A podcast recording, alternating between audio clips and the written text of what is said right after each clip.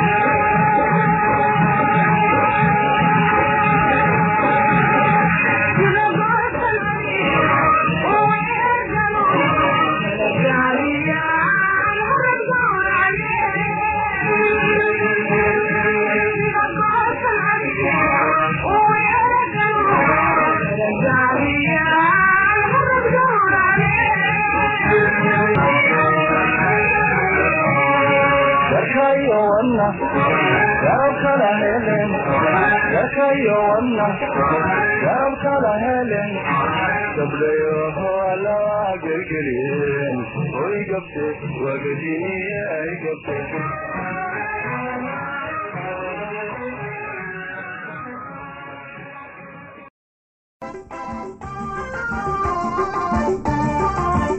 Thank you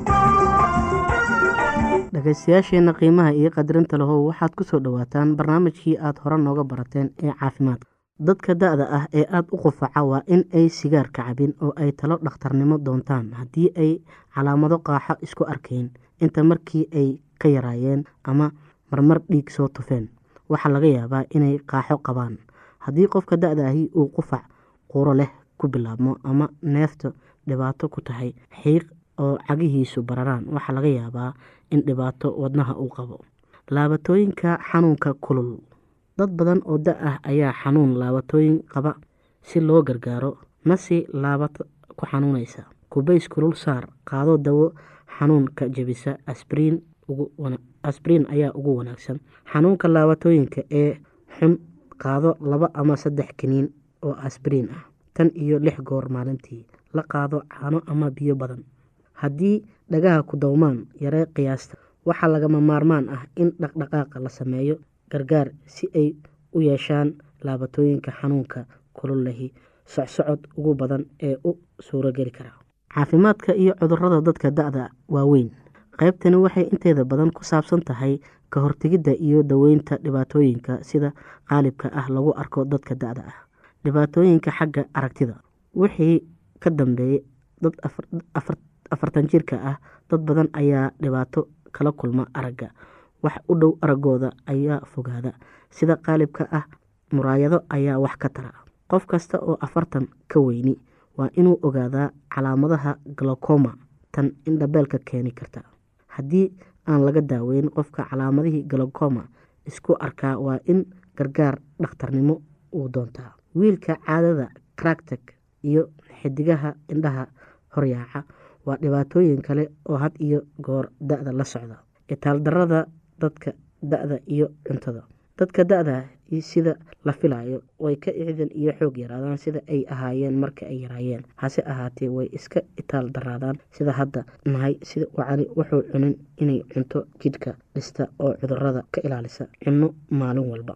Dadka dhibaatooyinka wada hadli waa in aynu cunin cisbo badan. Waa in miisaankiisa oo ridaa hadduu aada u buuran yahay. Haddii qofka da-da ahi uu yeesho neefsashada dhib ah ama cagabararsan waa inuu milix isticmaalin. Waa inuu cunaa cuntada ay ku yartahay milixda. Inta noloshiisa ka hadhay waa in uu milix iyo cisbaba uu cunin. Haddii qofku uu leeyahay laab xanuun ama ku dhacay dhaawac wadnaha ahi waa in uu ka nastaa meel sanqadhyar inta uu xanuunka tegayo haddii xanuunka laabta aada uga weyn yahay oo uu nasashada ku tegi waayo ama qofka calaamadihii shoogga muujiyo waxay u dhowdahay inuu wadnahu aada u dhaawacan yahay. Qofka waa inuu jiifo muddo toddobaad ahi ama inta xanuunka ama shoogga markaa uu bilaabi karaa inuu qunyar socdo fadhiisto. Hase ahaatee waa inuu isdhowraa bil ama ka badan uu ku fikiro inuu gargaar dhakhtarnimo doonto hadal loo jeedinayo dadka da-da yar ee doonaya inay caafimaad qabaan markay gaboobaan. Dhibaatooyinka badan xagga caafimaadka ah ee ku dhaca dadka meeldhexaadka ahi iyo kuwa da-da ahi ay ka mid yihiin dhiigga cadaadintiisa sareyso cudurrada wadnaha xididada dhiigga qaada oo adkaada iyo dabeysha waxay ku yimaadaan sidii qofka uu u nool yahay iyo wixii uu cuni jiray u cabi jiray markii uu yaraa. Laga yaabaa in aayatiinka dambe inaad in badan caafimaad ku noolaato. Dhageystayaasheena qiimaha iyo qadarinta lahu halkaa waxaa noogu dhammaaday barnaamijkii caafimaadka. Waa shiina oo idin leh caafimaad wacan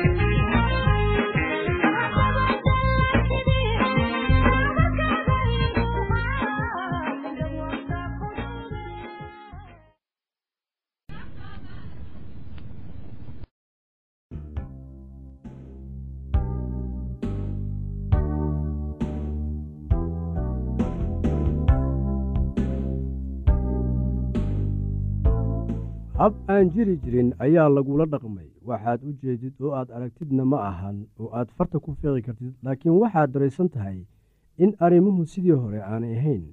Sidii hore uma deganaa ama uma xiise qabo. Qosolka iyo xifaaltankii aad wada qaybsan jirteen markii hore hadda ma jiro. Haddii aad weydiisid inay wax dhibaato ah jiraan waxaad helaysaa jawaab qalloocan oo aan la fahmi karin.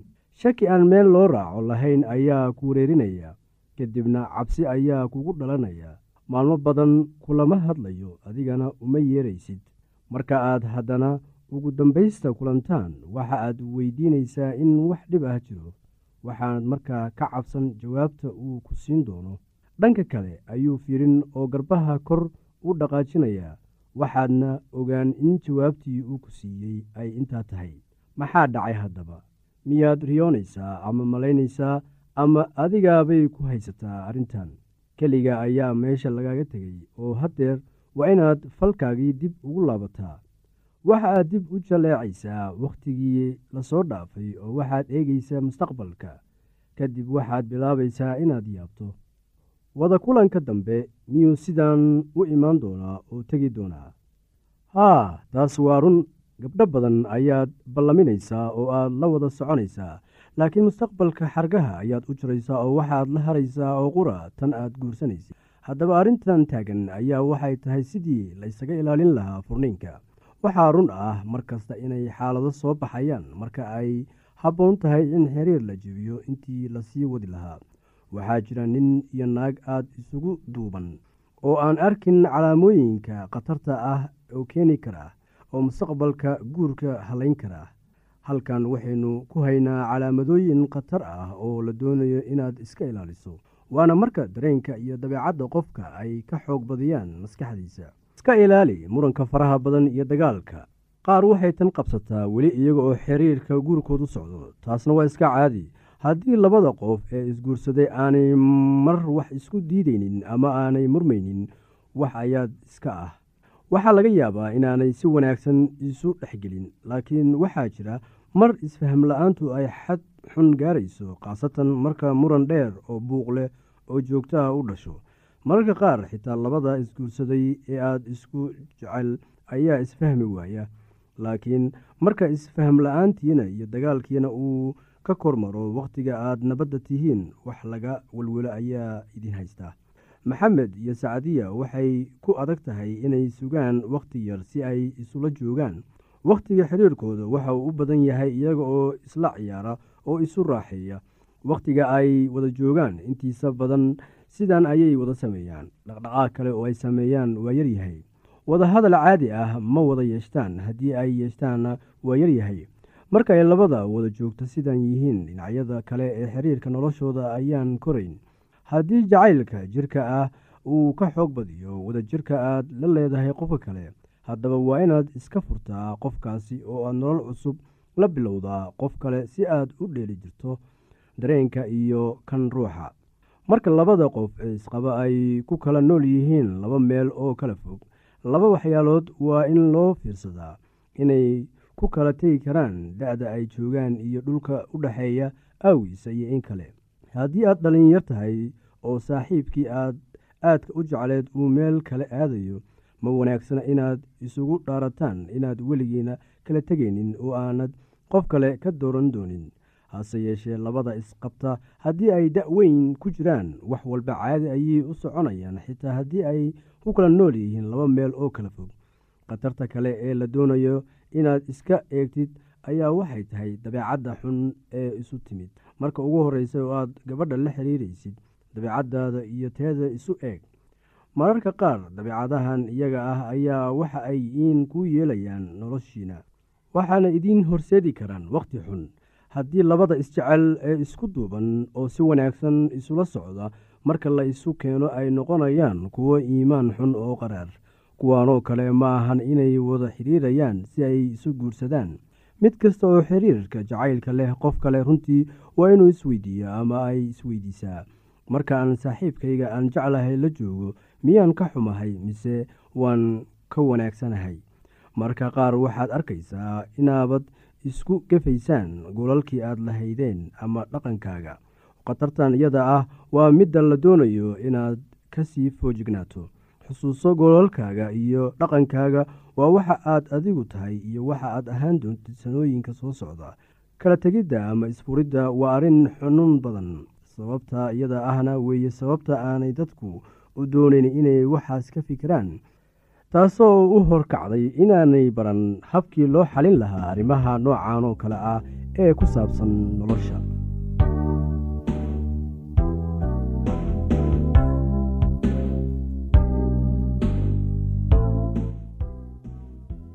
haddii aad qabto wax su'aalaha fadlan inala soo xiriir. ciwaankeenna waa radio somaly at yahu dt com. Mar labaad ciwaankeenna waa radio somaly at yahu dt com. Barnaamijyadeena maanta waa naga intaas